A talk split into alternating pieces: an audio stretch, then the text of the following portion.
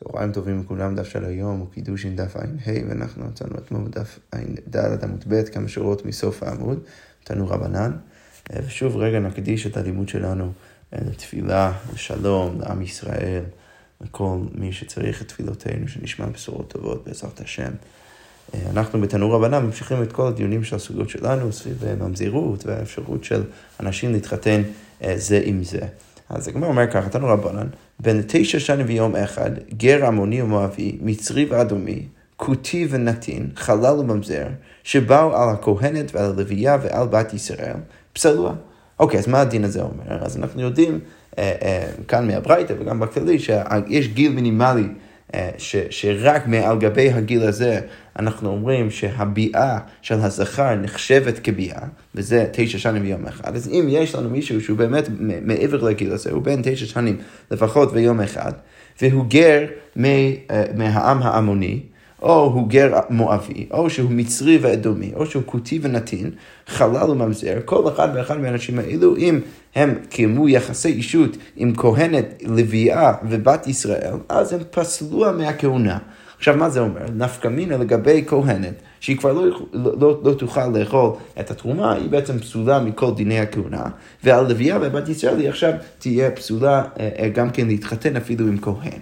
אוקיי, ורבי יוסי אומר, כל שזרעו פסול, פוסל. כאן רק נגיד איזה רגע, אה, אה, אה, אמירה, ניקח קצת אחורה ורק נגיד איזה אמירה מלמעלה בברייתא, מה שאנחנו נראה כאן זה מחלוקת משולשת בין התנאים סביב איך בדיוק להגדיר את הפעמים ואת ההקשרים שבהם האישה תהיה פסולה, תהיה נפסלת מהכהונה. עכשיו, קיבלנו את התמונה היחסית בהירה מתנא קמא, כל אחד ואחד מהאנשים האלו אה, שבאו על כהנת ועל לוויה בת ישראל פסלו. עכשיו אנחנו מקבלים את רבי יוסי, שמה רבי יוסי אומר? כל שזרעו פסול, כל מי שזרעו פסול, שהילדים שלו פסולים לכהונה, אז הוא פוסל. אם הוא בא על בת ישראל, אם הוא מקיים יחסי אישות עם בת ישראל, אז הוא יפסול את הבת ישראל, וכל שאין זרעו פסול, אם זרעו לא פסול, ילדים שלו לא יהיו פסולים, אז אין הוא פוסל. אוקיי, בגמרא אנחנו שוב נפרט מה בדיוק הנפקא מינה בין זה לבין תנא קמא. ורבן שמעון וגמליאל אומר ניסוח אחר, כל שאתה נושא ביתו, כל בן אדם שאתה יכול, רש"י כאן מבהיר שאנחנו מדברים כאן עם, אל הכהן. כל שאתה נושא ביתו, רש"י כותב לכהן כאמר, אנחנו מדברים כאן על הכהן. כל מי שאתה יכול להתחתן עם ביתו, אז אתה יכול גם כן, אתה נושא אלמנתו, אתה יכול גם כן להתחתן עם האלמנה שלו. אז יש מישהו, אתה יודע שהבת שלו תהיה כשרה לך, אז זה אומר שגם אם הוא נפטר, כמו ליצן, אז אתה תהיה מותר גם כן באלמנותו, היא לא תהיה פסולה לכהונה. וכל שאי אתה נושא ביתו, בן אדם שאתה לא... אה, אה, יכול, אתה הכהן לא יכול להתחתן עם ביתו, אז אי אתה נושא אלמנתו, אתה לא, אתה לא יכול גם כן להתחתן עם האלמנה שלו. אוקיי, אז הגמרא אומרת, מה איכא בין תנא קמא ובין רבי יוסי? בואו נתחיל וננסה להבין מה נפקא מינה בין תנא קמא ורבי יוסי. שוב, תנא קמא ניסח את עצמו בצורה בהירה, כל מי שאחד מהאנשים האלו מהרשימה הזאת, אז, אז, אה, אה, אז הוא פוסל את האישה מהכהונה, ורבי יוסי אומר, כל שזרעו פסול, אז הוא פוסל, כל שאין זרעו פסול, לא, אה, אינו פוסל. אז כמו אומרת, אמר רבי יוחנן, מה נפקא מינה? מצרי שני איכא ביניים. נזכיר לעצמנו את הדין של מצרי שני, אנחנו יודעים שמישהו התגייר שפעם היה מצרי, אז כתוב בתורה שהוא צריך לחכות עד הדור השלישי, ורק בדור השלישי הם יכולים להתחתן עם קהל השם. אז זה אומר שיש לנו מישהו, מאוד מעניין, שהוא מצרי שני, הוא עכשיו בעצמו אסור להתחתן עם, אה, אה, עם אה, ישראלים כשרים, אבל זרעו יהיה כשר. אז זה הגמרא אומרת, זה נפקא מיני בין תנא קמא ורבי יוסי. למה, איך זה יצא? רבי יוסי שתלה את זה בזרעו, אז יוצא שיש לנו מישהו שזרעו לא פסול. אם זרעו לא פסול, הוא בעצמו גם כן לא פוסל, ולכן אם הוא יקיים יחסי אישות עם בת ישראל או לביאה כהנת, הוא לא יפסול אותה.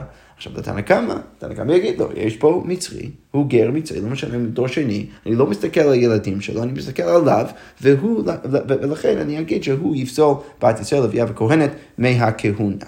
אוקיי, מה אומרת? ושניהם לא למדו אלא מכהן גדול בעלמא, ושניהם למדו את זה מאותה דוגמה של רק איך בדיוק אה, אה, אה, בונים את ההגבלה, ודרך זה אנחנו נבין את הדין. אז כמו אומר ככה, תנא קמא סבר, כי כהן גדול באלמנה, זה בדיוק כמו כהן גדול באלמנה, שמה אני יודע שם? מה הכהן גדול באלמנה שביעתו באווירה פוסל בה? אז ביעתו באווירה והוא פוסל אותה, אז אף כל שביעתו באווירה פוסל. ולכן, מאוד פשוט, מצרי שני, ביעתו באווירה הוא אסור בבת ישראל בלוויה בכהנת, ולכן ביעתו אה, באווירה ופוסל אותה, ולכן היא תהיה פסולה מהכהונה, בדיוק כמו אה, כהן גדול לאלמנה. אוקיי, רבי יוסי ספר, מה הוא יגיד? כי כהן גדול באמנה זה בדיוק כמו כהן גדול באמנה, אלא שמה, הוא יסתכל על זה קצת אחרת. מה כהן גדול? למה האמנה פסולה? מה כהן גדול באמנה שזרעו פסול ופוסל? אז רק בגלל שאנחנו יודעים שהילד שלהם יהיה פסול, הוא יהיה חלל, ולכן אנחנו אומרים שהכהן גדול פוסל את האמנה הזאת, היא עכשיו תהיה אסורה לכהונה, אז אף כל שזרעו פסול פסול, ולכן דווקא מי שזרעו פסול, דווקא הוא יפסול, לפוקי מצרי שני שאין זרעו פסול. דאמר כך, כמו כמו שכתוב בתורה, בנים אשר ייוולדו להם, הדור שלישי יבוא להם בקהל השם, ולכן אצל המצרי, הדור הבא, הדור השלישי, יוכל לבוא בקהל השם, הוא יהיה מותר בקהל השם.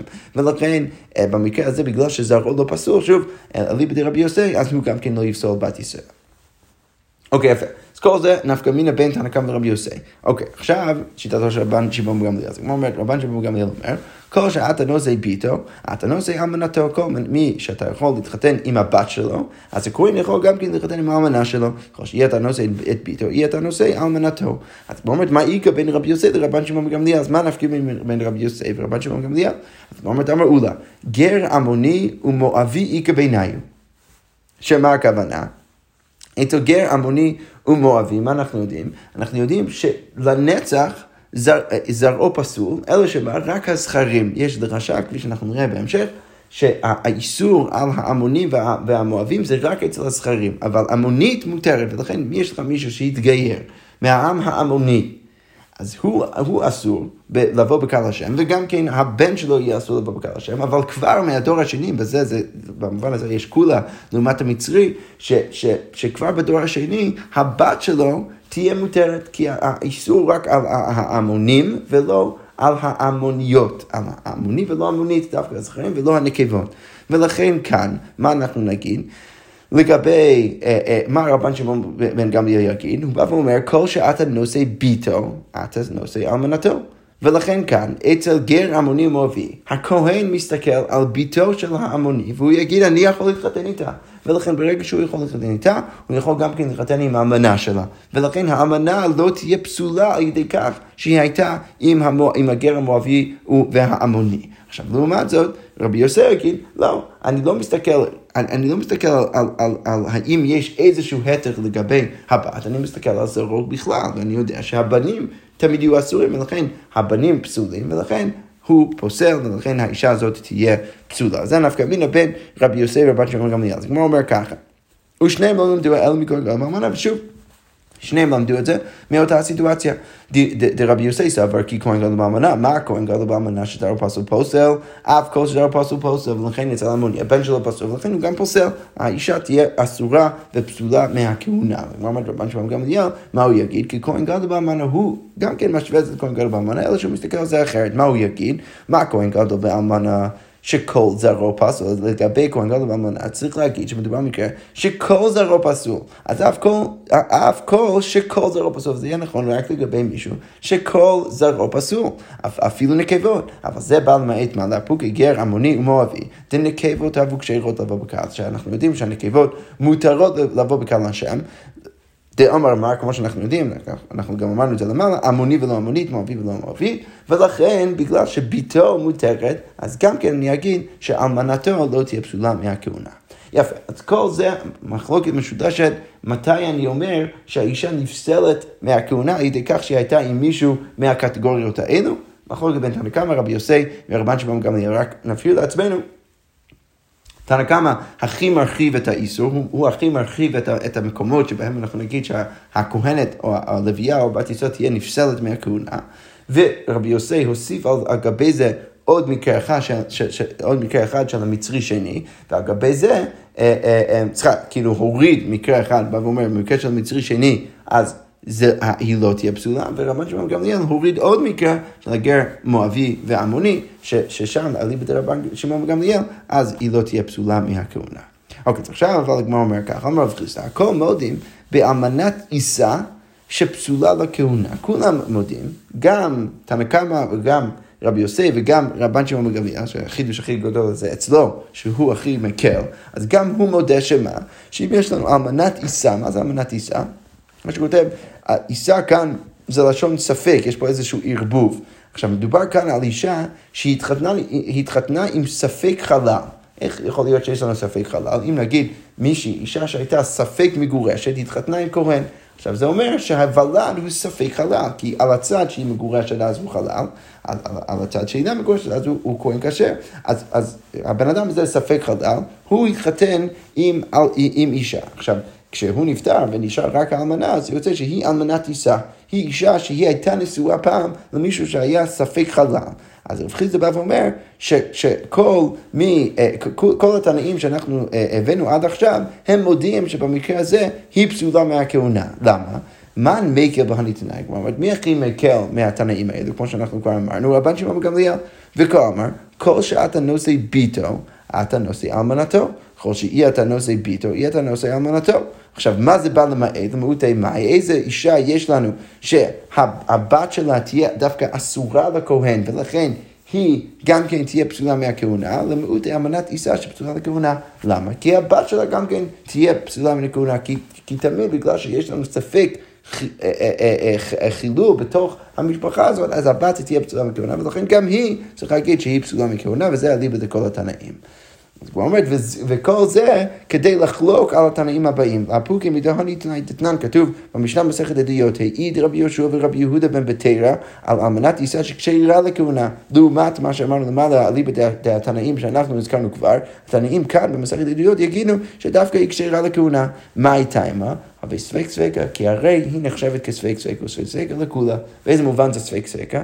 כי זה, זה לא ספק ספקה קלאסי, וצריך להגיד שבגלל ש, ש, ש, שבעלה היה ספק, ואז, אז זה אומר ש, שהיא מבחינתה, היא התחתנה רק עם ספק חלל, ולכן יש אצלה עוד ספק שהיא בעצם אה, אה, אה, פסולה מהכהונה או לא, ולכן הספק ספקה לכולה. עוד אפשרות שאפשר, שאפשר להציע, שזה אולי הופך את זה להיות ספק ספקה שאולי טיפה יותר קלאסי, זה שאם אתה מגדיר את המקרה כאן כמקרה ש, שהיא התחתנה עם מישהו שהוא הבן של ספק גרושה, אז אפשר להגיד ש, ש, שאימא של בעלה הייתה ספק גרושה, זה ספק אחד, ולכן הוא ספק חלל.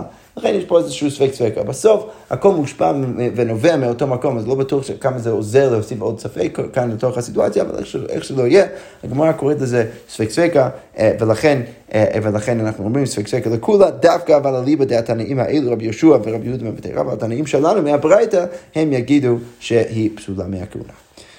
אוקיי, יפה, אז כל זה ככה סוגר את הסוגיה שם סביב הברייתא, ועכשיו אנחנו חוזרים חזרה לתוך המשנה, שראינו במשנה שרבי יוסי בא וחלק, אה, אה, אה, סליחה, לא רבי רבי אליעזר בא וחלק על התנאים שהגיעו לפניו, הוא בא ואמר שהאנשים היחידים שיכולים להתחתן זה בזה, זה רק ודאן בוודאן.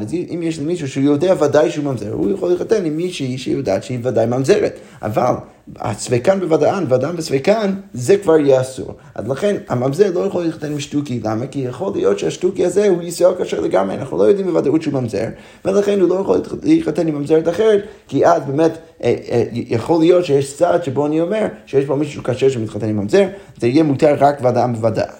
אוקיי, אז לגבי זה הגמרא אומרת, אמר רב יהודה אמר רב, הלך לגבי אליעזר, אנחנו דווקא פוסקים כמו רבי אליעזר. הגמרא אומרת, כי אמרית קמא דשמואל, אמר לי, הלל שונה עשר יוחסים עליו ובא וכל מותר לבוא זה בזה, ואת אמרת הלך לגבי אליעזר. אז, אז יש לנו בעצם מחלוקת בין רב ושמואל. רב יהודה מספר שרב אמר לו שהלכה כמו רבי אליעזר, שאנחנו פוסקים שדווקא ודאם בוודאם מותר, אבל כל שאר המקרים אסור. עכשיו, רב יהודה מספר שכשהוא אמר את זה לשמואל, שמואל אמר לו, רגע, הלל.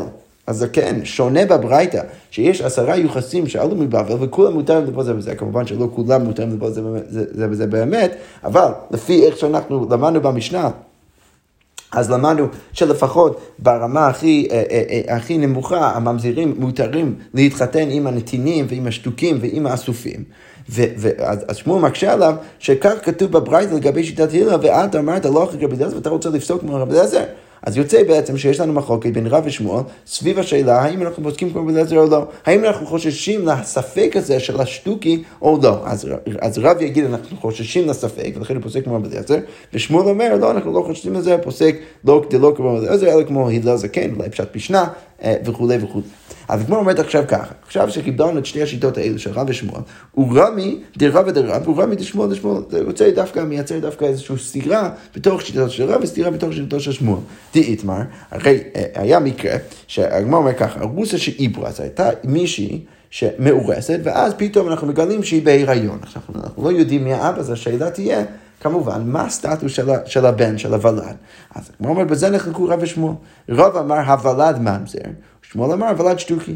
עכשיו, לכאורה יוצא מפה שיש פה איזושהי סתירה, למה? כי רב שרצה לפסוק כמו רב אליעזר ולחשוש למקרי ספק ולהגיד שרק בוודאה בוודאה מותרים לבוא זה בזה, פתאום כאן, למרות שאנחנו לא יודעים מי האבא, רב יגיד שהוא ממזר לגמרי. ולכן רב בא ואומר שהבן אדם הזה יכול אפילו להתחתן עם ממזרת, למרות שיש פה איזשהו ספק. וזה דווקא שמואל כאן, שאומר שהוולד שטוקי, למרות שלמעלה שמואל אמר שאנחנו לא חוששים לספק. אז הגמרא אומרת, רב אמר ולד ממזר מותר בממזרת. אז רב יגיד שהוולד ממזר מותר בממזרת, ושמואל אמר ולד שטוקי ואסור בממזרת. אז יוצא בדיוק הפוך ממה שאמרנו למעלה. אז הגמרא אומרת חינמי, באמת, מה צריך לעשות? יש פה סתירה, צריך להפוך את השיטות היפוך. רב אמר הוולד שטוקי, ולכן הוא יהיה אסור בממזרת, בדיוק כמו שהוא פוסק בית עזר. שמואל אמר ולד ממזר. אוקיי, יפה, אז כל זה תירוץ ראשון. אה, אה, אה, אז הגמרא אומרת, לפי התירוץ הזה, תרתי למה למה שאני אצטרך את שני המחלוקות, אחד לגבי המשנה, אם פוסקים כבר בדזר או לא, ואחד לגבי המקרה הזה של הארוסה, אז הגמרא אומרת, אתה צריך את שני מקרים, למה?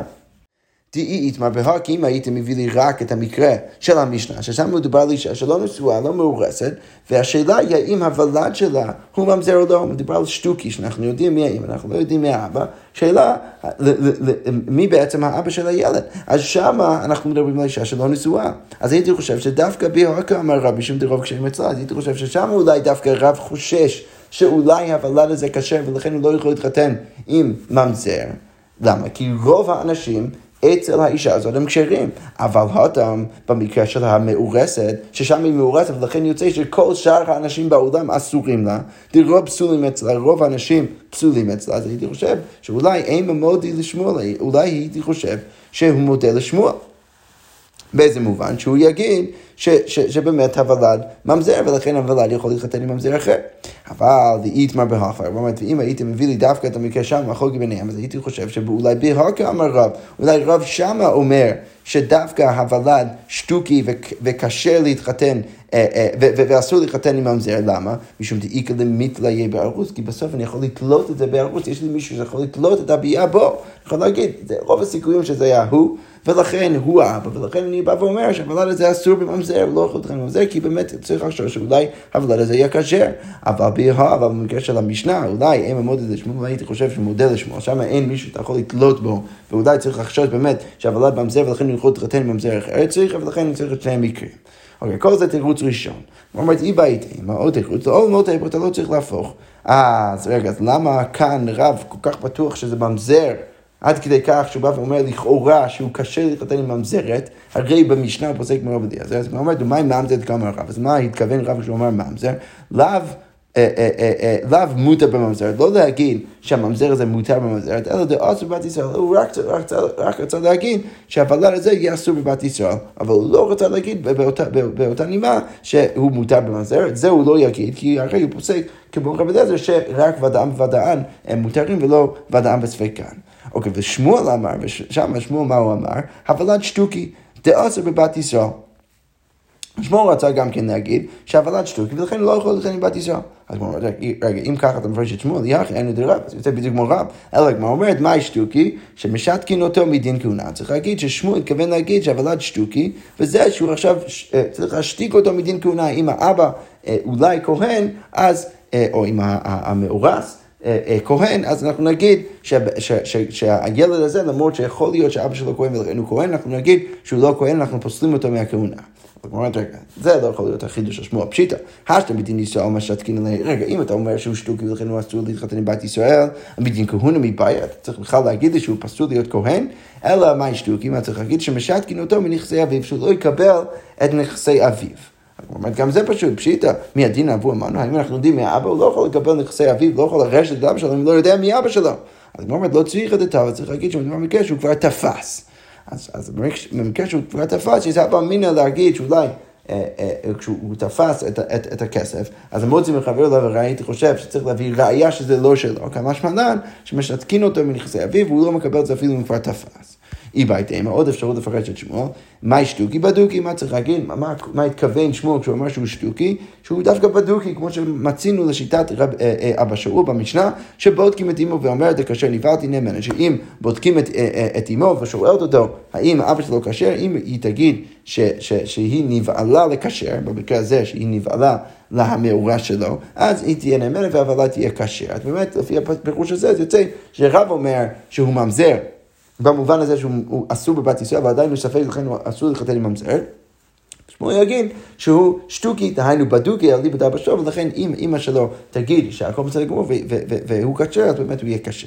אז הוא אומר, רגע, כמען, כרבן גמליאל, אתה רוצה להגיד כמו רבן גמליאל, אמר שמואל אחד הזמנה, הרי שמואל כבר אמרנו, אמר לנו שהוא פוסק כמו, כמו רבן גמליאל, דתנן, כמו שאנחנו ציטטנו גם אתמול, כתוב במשנה, צריך כתובות אתה מעובר ואמרו לה מה הטבעו של עובר זה, מה, מה, מה הסטטוס של העובר. אם היא אומרת מאיש פלוני וכהן ולכן הוא כשר וכהן והכל בסדר גמור, רבן גמליאל ורבי אליעזר אומרים נאמנת, רבי יהושע אומר אינה נאמנת. לא מפי האנוכה, כבר ראינו את זה אתמול, מחלוקת התנאים, ועל גבי זה מה שמואל כבר אמר, ואמר רב יהודה אמר שמואל הלך רבן גמליאל. אז מה הוא בכלל מחדש לנו? אם אנחנו כבר יודעים שהוא פוסק כמו רבן גמליאל, למה הוא צריך להגיד לנו גם כאן, שהוולד בדוקי אפשר לשאול את אמא שלו ולהאמין לה. אז הוא אומר, לא, בכל זאת צריך, אתה צריך את שני המקרים. למה תהי מי הטם, הווה אמינא, הטם רוב קשרים אצלה. שמה, במקרה של סתם אישה שמסתובבת בשוק, שמה רוב האנשים כשרים אצלה, למה היא לא נשואה, היא לא מאורצת, הכל בסדר גמור. ולכן אולי שמה צריך להאמין לה ולהגיד שהוולד קשה. אבל הכה, דרוב פסולים אצלה, כי הרי מדובר כאן על אישה מאורסת, ולכן ברגע שהיא מאורסת, רוב, פסולים אצלה, אני חושב שאי אפשר להאמין לה. אימה לא, צריך, ולכן אני צריך גם את המקרה הזה. זה מלמד אותי ש, אה, שאפילו במקרה כזה אנחנו מאמינים לאישה, ואנחנו הולכים להגיד שהוולד כשר. אוקיי, okay, יפה. עכשיו אנחנו נמשיך uh, עם, uh, עם המשך דברי רבי אליעזר שמצאנו uh, במשנה, שאחד מהאנשים שהגדרנו אותו כספק, שהוא גם כן אסור uh, להתחתן עם עוד בן אדם שהוא ספק ממזר, זה הכותי. עכשיו, דרך האמירה הזאת של, של רבי אליעזר במשנה, עכשיו אנחנו נכנסים לברייתא הבאה, שיטתו של רבי אלעזר. אז כמו אומר ככה, תניא אה, אה, וכן רבי אלעזר אומר, גם רבי אלעזר אומר, כותי לא יישא כותית, כותי לא יכול לתכן כותית, למה? כי בהנחה ששניהם אה, ממזירים בספק, אז יוצא שיש לנו בעצם ספק עם ספק, ולפי שיטת של רבי אלעזר שפגשנו במשנה, הם אסורים להתחתן זה בזה. אז כמו אומרת, מה הייתה עימה? אמר רב יוסף, עשאוהו כגר לאחר עשר הדורות. אה, אוקיי. אז עכשיו אנחנו מנסים, מקבלים איזשהו ניסוח מסוים, למה בדיוק צריך לאסור. עכשיו, יוסף בא ואומר, הסיבה שהכותי אה, אה, לא יישא כותית, שהם אסורים להתחתן זה עם זה, זה בגלל שאנחנו מתייחסים לכותי כמו גר אחרי עשרה דורות. עכשיו, מה הרלוונטיות של הדבר הזה? אז כפי שאנחנו רואים עוד שנייה, הגר שמתגייר כאן ועכשיו מאוד שונה מהגר שהתגייר לפני עשרה דורות, ועכשיו יש את כל הצאצאים שלו, שעכשיו חיים ממש בתוך הקהילה היהודית, אה, כמו כל יהודי אחר. עכשיו, הגר אז, ראינו כבר שיש מחלוקת, אבל לפחות לפי שיטתו של רבי יוסי, הגר אז, שהוא התגייר עכשיו, מותר להתחתן עם ממזרת, הוא לא ממש נחשב כחלק מקהל השם, לכן הוא יכול אפילו להתחתן עם ממזרת. אבל אחרי עשרה דורות זה כבר לא כזה פשוט להגיד את זה. למה? כי אחרי עשרה דורות, מה, דורות, מה אנחנו מניחים? כל המשפחה שלו עכשיו חיים בדיוק כמו כל שאר היהודים יחד איתם בקהילה אחת. אז לכן הגמרא אומרת, שאנחנו, הסיבה שהכותי לא יכול להתחתן עם הכותית, זה בגלל שלמרות שכותיים, תכף אנחנו נראה את זה טיפה יותר אה, מפורט, אבל למרות שהכותיים בסוף הם גרים, אנחנו עדיין חוששים שאולי יהיה, אה, אה, אולי אחרי עשרה דורות אנחנו צריכים להתייחס להם, להתייחס אליהם כמו יהודים כשרים, ולכן הם לא יכולים להתחתן זה עם זה, כי יכול להיות שהשני ממזר. התגמור מטטני, כמו שאנחנו מוצאים בברייתא, גר עד עשרה דורות מותר במזרת, כי הוא לא באמת עכשיו כחלק מקהל השם, אבל מכאן ואילך, אחרי עשרה דורות, אז אסור במזרת, הוא אה, אסור במזרת, והוא כבר לא יכול להתחתן במזרת, כי הוא כבר נחשב כחלק מעם ישראל. ויש אומרים עד שישתקע שם עבודה, עבודה זרה ממנו, ויש אומרים ש, שזה דווקא לא לפי אה, מספר הדורות, אלא זה לפי המציאות התרבותית וקהילתית. עד שאנחנו כבר מסתכלים על הבן אדם הזה, כבר לא רואים בו איזשהו שמץ של עבודה זרה, רק אז אנחנו נגיד שהוא מותר להתחתן בקהל השם. אבל איך שזה לא יהיה, אנחנו רואים שבגלל שאנחנו מתייחסים לכותים כאנשים שכבר התערבבו יחד עם כל, עם כל קהל השם, אז לכן כל כותי הוא בן אדם קשה, ולכן לא יכול, לא, לא להתחתן עם כותי, כי כל אחד מהם הוא גם כן ספק ממזר, מצד שני אנחנו מתייחסים לכל אחד מהם כיהודי כשר, ולכן הם לא יכולים להתחתן זה עם זה. אבל על זה באמת אפשר להקשות, כמו שאולי אה, כבר זיהיתם אה, דרך ההסבר שלנו למעלה, אז הוא גם אומר ככה, אומר לי אביי, אביי בא ומקשה על רב יוסף, בא ואומר, מי דומי? האם אתה יכול באמת להשוות? הרי אביי בא ואומר ככה, התם גר ישן וממזרת חדשה, אמרי בר ישראל הוא דקנוסי ממזרת. אז אביי בא ואומר, זה לא אותו דבר. לגבי הגר, שאנחנו אמרנו שהגר עד הדור העשירי יכול להתחתן עם ממזרת, ואחרי הדור העשירי הוא כבר לא יכול להתחתן עם ממזרת, אז שם זה מאוד מובן. למה? כי שם מדובר על גר ישן, אחרי הדור העשירי, שמנסה להתחתן עם ממזרת חדשה, שאנחנו מסתכלים עליה, וכולם יודעים שהיא ממזרת. במקרה הזה, מה אנשים יגידו? בר ישראל הוא דקנוסי ממזרת. מדובר פה על בר ישראל, הוא כבר דור העשירייה, וכל אחד חושב ותופס אותו כמישהו שהוא חלק מהקהילה לגמרי, ובאים ורואים שהוא מתחתן עם ממזרת, זה באמת בעייתי. אבל הוכה, יש לך כותי וכותית. אז הוכה אידי ואידי כי הדודינו הם אותו דבר, או ממה נפשך, או ששניהם ממזרים, או ששניהם כשרים והם כבר התערבבו בתוך העם היהודי, ולכן זה אמור להיות מותר. אלא מה, מה אנחנו צריכים במקום זה להסביר? למה בכל זאת אנחנו אמרנו שהכותי, אסור להתחתן עם הכותית? אז הגמרא אומרת, אלא כי את הרב דימי אמר רבי אלעזר, אה, סליחה, כי את הרב דימי אמר, אז רב דימי הגיע מארץ ישראל לבבל, הוא בא ואמר ככה. רבי אלעזר, שהוא סובר שהכותי, אסור להתחתן עם הכותית, סבר לו כרבי ישמעאל. הוא סובר כמו רבי ישמעאל, ורבי ישמעאל סבר לו כרבי עקיבא. אוקיי, איך זה עובד? רבי אלעזר סבר לו כרבי ישמעאל דאמר שרבי ישמעאל חושב שמה? כותים גרי עריות הן. אז כפי שאנחנו רואים בהמשך הדף, יש בכלל התלבטות על כל הסיפור מלכתחילה של הכותים. כשהכותיים, שזה עם שהתגיירו לעם היהודי, כשהם התגיירו, האם הם התגיירו באמת, הם באמת התגיירו ולכן באמת הם נחשבים עכשיו כגרים, או שהם סתם מה שנקרא אה, אה, גרי עריות, שהם סתם, סתם התגיירו בגלל פחד. עכשיו מי שמתגייר בגלל פחד הוא לא גר כשר, אז הם לא באמת נכנסו אי פעם לעם היהודי, ולכן הם, הם באמת, אה, הם באמת גורם לכל דבר ועניין. עכשיו, הגמרא אומרת, רבי אלעזר סובר כמו רבי ישמעאל, הוא חושב שהכותים הם כמו גויים, ורבי ישמעאל סובר like רבי עקיבא, ורבי ישמעאל סובר כמו רבי עקיבא, שמה? דאמר נוכרי ועבד הבא בת ישראל, הבלן ממזר. ולכן מה? ולכן יוצא שאצל כל כותי וכותי אני בעצם צריך ללבט מה הסטטוס שלו. מצד אחד, הוא יכול להיות ישראל לכל דבר, מצד שני, הוא יכול להיות ממזר. למה? איך זה עובד? אם מדובר על כותי, שאבא שלו גם היה כותי ואימא שלו יהודייה, אז באמת יוצא שהוא ממזר. למה? כי יש פה מקרה של אם אנחנו מניחים את רבי ישמעאל שהכותים הם, הם גויים לכל דבר ועניין, אז יש לנו מקרה של כותי הבא בת ישראל, גוי שבא בת ישראל, הוולד ממזר, אם אנחנו סוברים ככה כמו רבי עקיבא. ואז יוצא שבאמת הוולד ממזר. מצד שני, אצל כל כותי וכותי יש גם שאלה ואופציה שהוא סתם מתגייר בפני עצמו, והוא יהודי כשר לגמרי, עכשיו שהוא התגייר. לכן כל כותי וכותית לא יכולים להתחתן זה בזה, כי אצל כל אחד ואחד מהם יש ספק שהם ממזירים, ויש ספק שהם באמת יהודים כשרים, ולכן הכל בעייתי, ולכן הם לא יכולים להתחתן זה בזה. אבל הגמרא אומרת, זה הסבר מאוד יפה, אבל זה שילוב של שיטות שלא בהכרח מסכימות אחד עם השנייה. הגמרא אומר ככה, מי סבר לרבי ישמעאל כרבי עקיבא? האם באמת רבי ישמעאל סובר כמו רבי עקיבא? והוא אמר רבי יוחנן משום רבי ישמעאל. רבי יוחנן כבר אמר משום רבי ישמעאל, שמה, מניין לנוכרי ועבד שבאו על, על כהן ועל לוויה בבת ישראל שפסלוה, שנאמר, ובת כהן כי תהיה אלמנה וגרושה וזרע אין לה. עכשיו, בפסוק ההקשר הוא שכתוב אה, בתורה שבת כהן שהתחתנה עם מישהו אחר ואז או שבעלה נפטר או שבעלה גירש אותה וזרע אין לה ואין לה שום ילדים מאותו עבר ישראל אז הדין הוא שהיא חוזרת הביתה לבית אביה ויכולה להמשיך לאכול תרומה. עכשיו, מה הדיוק על הפסוק? הדגמר אומרת, מי שיש לו אלמנות וגירושין, אז דווקא אם הבת כהן הזאת הייתה נשואה למישהו שבאמת היו, היה ביניהם קידושין רגילים, ולכן עכשיו שהוא נפטר היא הופכת להיות אלמנה, או, או לחילופין שהוא גירש אותה היא הופכת להיות גרושה, דווקא שם אני אומר שהיא עדיין כשירה לחזור הביתה לבית אביה ויכולה לאכול שומה. אבל זה ממעט מי יצא נוכרי ועבד שאין לו עמנו וגירושין. שמלכתחילה אם הייתה נשואה לנוכרי ולעבד, היא לא באמת הייתה נשואה להם, לפחות לא הלכתית.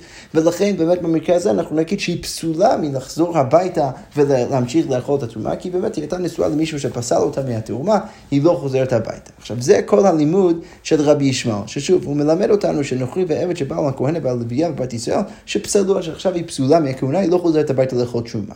עכשיו, מכל זה אבל מה אני לומד? הגמרא אומרת, איסר כדאי תחסר ולא כרבי עקיבא, אם רציתי להגיד שרבי ישמעאל סובר כמו רבי עקיבא, שרבי עקיבא אומר עוד יותר מזה, הוא אומר שגר, שנוכרי ועבד שבא בת ישראל, הוולד ממזר. אז אם רציתי להגיד שרבי ישמעאל סובר כמו רבי עקיבא, אז הגמרא אומרת, אשתא ממזרי, אבל אם הוולד ממזר, מפסל בביאתו, מבעיה, האם אתה בכלל צריך לחדש לי שהביאה פוסלת? ברור שלא, אני כבר יודע שהוולד ממזר, ולכן ברור שרבי ישמעאל לא מניח את רבי עקיבא. אז מאוד יפה שרציתי להגיד שרבי אלעזר סובר כמו רבי ישמעאל שהכותים הם, הם, הם, הם, הם גרי עריות, ושרבי ישמעאל סובר כמו רבי עקיבא, זה פשוט לא נכון. אז כמו אומרת, אלא אפשרות אחרת אפשר להסביר, אלא רבי אלעזר סבר לו כרבי ישמעאל, דמר כותים גרי עריות, אז הוא סובר כמו רבי ישמעאל, שהוא סובר שהכותים הם גויים לגמרי, וסבר לו כרבי עקיבא, והוא בעצמו, רבי אלעזר סובר כמו רבי עקיבא. זה לא שרבי אלעזר סובר כמו רבי ישמעאל ורבי ישמעאל סובר כמו רבי עקיבא, אלא רבי אלעזר סובר כמו רבי ישמעאל, וגם הוא בעצמו סובר כמו רבי עקיבא, דמר נוכרי בעבד הבא בת ישראל, הוולד ממזר. אוקיי, יפה, זה אולי מסביר את הכל, אבל עדיין הגמרא מקשה ואומרת, ומי סבר לרבי אלעזר כרבי עקיבא, האם באמת רבי אלעזר סובר כמו רבי עקיבא, והאמר רבי אלעזר, רבי אלעזר כבר אמר, אף על פי שנחלקו בית שמאי ובית הלל בצרות, מודים שאין ממזר אלא ממי שאיסורו איסור רבב ואנוש כרת. עכשיו בואו רק נסביר את הרקע כאן. יש מחלוקת גימור מפורסמת בין בית שמאי ובית הלל לגבי השאלה של צרה בהקשר של ייבום. בואו נגיד שמדובר במקרה של בן אדם מתחתן עם האחיינית שלו. עכשיו הדבר הזה מותר לגמרי, והוא התחתן בנוסף עם האחיינית שלו, הוא התחתן גם כן עם אישה אחרת. עכשיו, בן אדם הזה נפטר. רחמנא ליצלן נפטר לא בנים. עכשיו, לכאורה, הנשים שלהם אמורות ליפול לפני אחיו לייבום. עכשיו, מה הבעיה? הוא התחתן עם האחיינית שלו, הוא התחתן עם הבת של האח שלו. עכשיו, כשהיא נופלת תיאורטית לפני האח לייבום, היא בעצם נופלת לפני אבא שלה.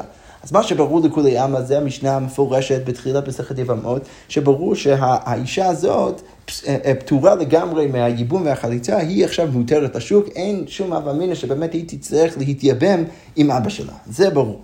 המחלוקת היא לגבי הצרה. אמרנו, אמרנו מלכתחילה שהסיפור הוא שהוא התחתן עם האחרנית שלו וגם כן עם עוד מישהו אחר, עוד מישהי אחרת. עכשיו השאלה היא האם הצרה גם כן פטורה מהחליצה מהייבום, מהייבום דרך זה שהיא הייתה צרתה של האחיינית, או האם אנחנו אומרים שאין שום קשר בינה לבין האח בחיים, ולכן היא דווקא יכולה, אה, ואולי אפילו חייבת בייבום וחליצה.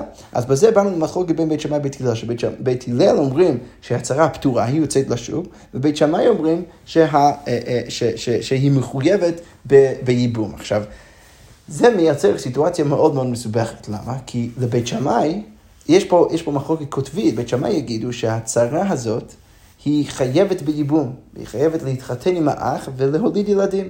עכשיו, בית הלל יגיד בדיוק הפוך, לא רק שהיא לא מחויבת, אלא היא פתורה, ולכן ברגע שאין מקום מצוות ייבום, זה יוצא שמדובר כאן על אשת האח שלו במקום מצווה, יש פה, יש פה בעיה של איסור דאורייתא, ולכן הוולד יהיה ממזר. עכשיו, זה מחלוקת קוטבית בין בית שמאי ובית הלל, כתוב שם במשנה מאוד אה, יפה, שבכל זאת, למרות שהייתה את המחלוקת הזאת, לא נמנעו מלהתחתן זה עם זה, עדיין שתי הקהילות האלו התחתנו זה עם זה, למרות שחלק מה, מה, מה, מהילדים שם בתוך הקהילה, על דיבר בית שמאי הם היו כשרים לגמרי, על דיבר בית הלל הם היו ממזרים. עכשיו, גבי כל זה, מה רבי אלעזר אומר? רבי אלעזר אומר, למרות שיש מחלוקת בין בית שמאי ובית הלל לגבי הצהרות, בכל זאת, הם, הם, הם, הם שניהם מודים שאין ממזר אלא במי שאיסורו אה, אה, איסור ערווה ואנוש כרת. מה הכוונה? החשש היחיד שיהיה פה ממזר זה רק במקרה שהצרה מתחתנת עם, ה, עם היוון. אז באמת לבית הלל יהיה פה ממזר, כי זה יש לאח שלו במקום מצווה. אבל יש עוד בעיה, ששם אנחנו לפחות, זה אולי בעיה במחלוקת באמת שמע בית הלל, אבל הוולד לא יהיה ממזר. איזה עוד בעיה יש? כי אפשר לחשוב על זה בדיוק הפוך. הצרה לבית הלל מותרת להתחתן בשוק, היא פטורה מהייבום, היא יכולה להתחתן עם מישהו אחר. לבית שמאי יש לפחות איסור לה ועליה להתחתן עם מישהו אחר, למה? כי היא מחויבת בייבום וחליצה, אז עד שהיא לא תקבל חליצה, סלאש, עד שהיא לא תתייבם עם האח, היא לא תהיה מותרת לשוק. לכן, שהיא עכשיו יוצאת ומתחתנת לשוק אליבא דבית הלל, לבית שמאי דווקא היא עכשיו עוברת על איסור. עכשיו שמה, על זה רבי אלעזר אומר, ששם לפחות בית שמאי יודו שהוולד לא יממזר, למה? כי זה רק איסור לאו, וזה לא איסור, אה, וזה לא, אה, לא איסור כרת, וזה לא איסור אה, מיתה. עכשיו, דרך כל זה מה אנחנו רואים? שרבי אלעזר לא חושב כמו רבי עקיבא. הוא לא חושב שרבי, כמו רבי עקיבא שכל איסור לאו הוולד ממזר, והוא חולק עליו בנקודה הזו, ולכן הוא גם יחלוק עליו בנקודה של הנוכרי והעבד שבא בבת ישראל שהוולד ממזר. גם עם זה הוא לא יסכים. ולכן הגמרא אומרת שוב, זה פתרון מאוד יפה שאתה בא ואומר שהוא סובר גם כגמור במשמל, שהכותים הם גרי עריות, והוא סובר כמו רבי עקיבא, שעבד ונוכרי שבא בבת ישראל, הוולד ממזר, אבל זה פשוט לא נכון, כי אבל זה לא סובר כמו רבי עקיבא. אז הגמרא אומרת, אלא מה צריך להגיד? כי עתה רבין אמר רבי חייא בר אבא אמר רבי יוחנן, ואמרי לו אמר רבי אבא בר זבדה אמר רבי חנינא, ואמרי לו רבי יעקב בר אידי אמר רבי יהושע בן לוי. יפה, כל מיני אה, מסורות של מי באמת הביא את התירוץ האחרון הזה. שלוש מחלוקות בדבר, צריך להגיד שיש אה, מחלוקת משודשת סביב השאלה לאיזה סוג גרים הכותים. זה כמו אומר כך, רבי ישמעאל סבר כותים גרי עריות, וכהנים שנטמעו בהם כהנים פסולים, כהנים פסולים היו. אז רבי ישמעאל סובר ככה, שהכותים הם גרי עריות, ולכן הם גויים לגמרי, ולכן כהנים שנטמעו בהם, שהתחתנו יחד עם הכותים, הם כהנים פסולים. שנאמר, ויעשו להם מקצותם כהני במות. שמשמע מזה, אם אנחנו נפרש מקצותם כאן, אפשר, אפשר לפרש את זה לשני כיוונים כפי שאנחנו נראה, אבל בינתיים אנחנו מפרשים את זה כמו קוץ. אז הם היו כמו קוצים, הם היו, היו ביניהם, בין הכותים, היו, היו אה, כהנים פסולים שהתחתנו יחד איתם. אוקיי, וזה בדיוק מה שהגמרא אומרת, ואמר רבי יוחנן, רבי יוחנן מן הקוצים שבעם. ומשום הכי פסלין, ולכן אנחנו פוסלים את הכהנים שם, ופוסלים את הכותים לגמרי, הם גרי עריות. כל זו שיטה ראשונה. שיטה שנייה, רבי עקיבא סבר כותים גרי אמת הם, לא דווקא גרי אמת. וכהנים שנטמעו בהם, כהנים כשרים היו, וכל מי שהתחתן יחד איתם הוא כשר לגמרי, שנאמר ויעשו להם מקצותם כהנים במות. וכאן הפירוש הוא לא שהם כמו הקוצים, אלא שהם אברהם רבי ברחנה רבי יוחנן מן הבכירים שבעם. זה מלשון קצין, הם, היו מן הבכירים של העם, מן האנשים החשובים, ולכן אה, באמת הכל היה בסדר גמור שהתחתנו יחד עם הכותים. אה, ואלה בפני מה אסרו? אז למה בכל זאת אסרו את הכהנים האלו? מפני שהיו מייבמים את הארוסות ופותרים את הנשואות. אז, אז, אז למה בכל זאת אנחנו אה, פס, אה, פסקנו לפסול את, את הכותיים להתחתן עם, עם עם ישראל, זה בגלל שלמרות שהם היו גרי אמת, בכל זאת הם היו מייבמים את הארוסות ופותרים את הנשואות. הם היו חושבים שכפי שאנחנו נראה עוד שנייה, הם דרשו את הפסוקים בהלכות יבמות בצורה מאוד מסוימת. שמה? שהם חשבו שדווקא אישה שהייתה נשואה ובעלה נפטר לו בנים, אז היא דווקא פטורה מן, ה, מן הייבום, היא לא מחויבת בייבום, היא מותרת לשוק. ודווקא האישה שמחויבת בייבום, זה דווקא האישה אה, שהייתה מאורסת. עכשיו, אז מה, מה הם דרשו? אז מה היא דרשי? הגמרא אומרת, לא תהיה אשת המת החוצה לאיש זר. אז כתוב שהאישה לא אמורה להתחתן עם איש זר, היא אמורה להתייבם יחד עם האח של בעלה הנפטר. עכשיו, איך צריך לדרוש את הפסוק? אז כמו אומרת, אפשר לקרוא את זה ככה, הך דיית וחוצה ההיא שיושבת בחוץ, אז היא לא תהיה לאיש זר, דווקא הארוסה שעוד לא נכנסה לתוך הבית, אז היא לא תהיה לאיש זר. אבל הך דלא יד וחוצה, אבל ההיא שלא יד וחוצה, שכבר הייתה נשואה, אז היא תהיה לאיש זר. אז היא יכולה להתחתן עם, אה, אה, אה, עם איש זר. עכשיו, מכל זה מה אנחנו רואים? אנחנו רואים שאצל הכותים יש חשש שנשים שהיו אמורות להתייבם לאח של בעליהם הנפטר, בכל זאת פטרו את עצמן והלכו והתחתנו בשוק, ולכן יש פה צאצאים של, של, של, של הנישואים האלו, ולכן יש פה כל מיני פסולים אצל, אצל, אצל הכותים, ולכן למרות שלפי רבי עקיבא הם גרי אמת, בכל זאת אנחנו, לכן אנחנו אסרנו על הכותים להתחתן יחד עם קהל השם. אוקיי, אז כמו אומרת, ורבי עקיבא לטעמי, ורבי עקיבא הולך לשיטתו, כי מה היית אולי יכול אה, להקשות? היית יכול להגיד, בסדר, אבל כל מה שזיהינו עכשיו זה רק איסור לאו, שיבמה שבאמת מחויבת בייבום, בכל זאת תצא לשוב ותתחתן עם מישהו אחר. אבל שוב, אנחנו צריכים לזכור שאנחנו בתוך שיטתו של רבי עקיבא, שרבי עקיבא לטעמי דאמר, יש ממזר מחבי לוין, ולכן אליבא דרבי עקיבא, כל מי שיוצא מנישואים כאלו, למרות שזה רק איסור לאו, הוא יהיה ממזר, ולכן זה מסביר למה אנחנו חששנו לקותיים. אוקיי, כל זה השיטה השנייה. השיטה השלישית, ויש אומרים, לפי שאין בקיאים בדקדוקי מצוות. מה הסיבה שאנחנו אה, אה, פסלנו את הכותים ואמרנו שאי אפשר להתחתן איתם? בגלל שהם לא, אה, לא בקיאים בדקדוקי מצוות. אז כמו אומרת, מה יש אומרים? מי, מי התנא שבכלל סובר ככה, שהוא יש אומרים? אז כמו אומרת, אמר רבי בר אבין, רבי אליעזר צריך להגיד שרבי אליעזר דתניא, מצת כותי, יש דיון בכלל, האם, אה, מה, מה הדין של המצה שהכין כותי.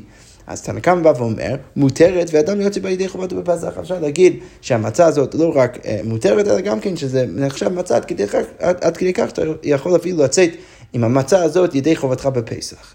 רבי אליעזר אוסר, למה? לפי שאין בקיאים בדקדוקי מצוות, בדיוק כמו שאמרנו למעלה, רבן שמעון גמליאל אומר, כל מצווה שהחזיקו בכותים, הרבה, הרבה מדקדקים בה יותר מישראל, שזה גם אה, מאוד מעניין, הוא בא ואומר, דווקא המצוות שהם כן מדקדקים בה, הם עושים את זה עוד יותר מהישראלים.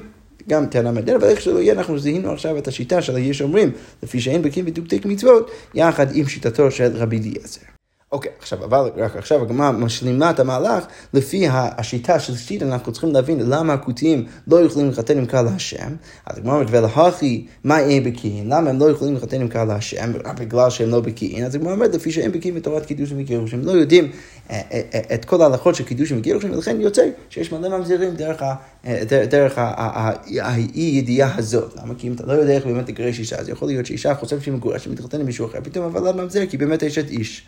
יפה, אז אחרי כל זה אנחנו יכולים להבין ש, אה, אה, אה, ש, שהסיבה שאי אפשר להתחתן עם הכותיים זה בגלל שיש כל מיני חששות של ממזירים בתוך הקהילה שלנו. עכשיו, דרך זה אפשר גם כן להבין למה הכותיים לא יכולים להתחתן זה בזה.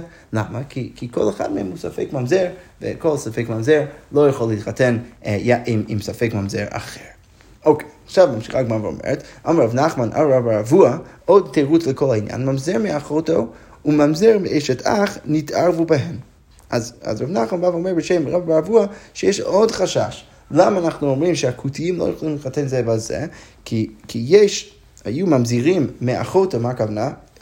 בן אדם התחתן עם אחותו, הוליד אה, ילד, הילד ממזר, הממזר מאחותו, הוא ממזר מאשת האח, שמישהו התחתן עם אשת אחיו והוליד ילד, גם הילד הזה ממזר, אז האנשים האלו התערבו בהם והתחתנו יחד עם הכותיים.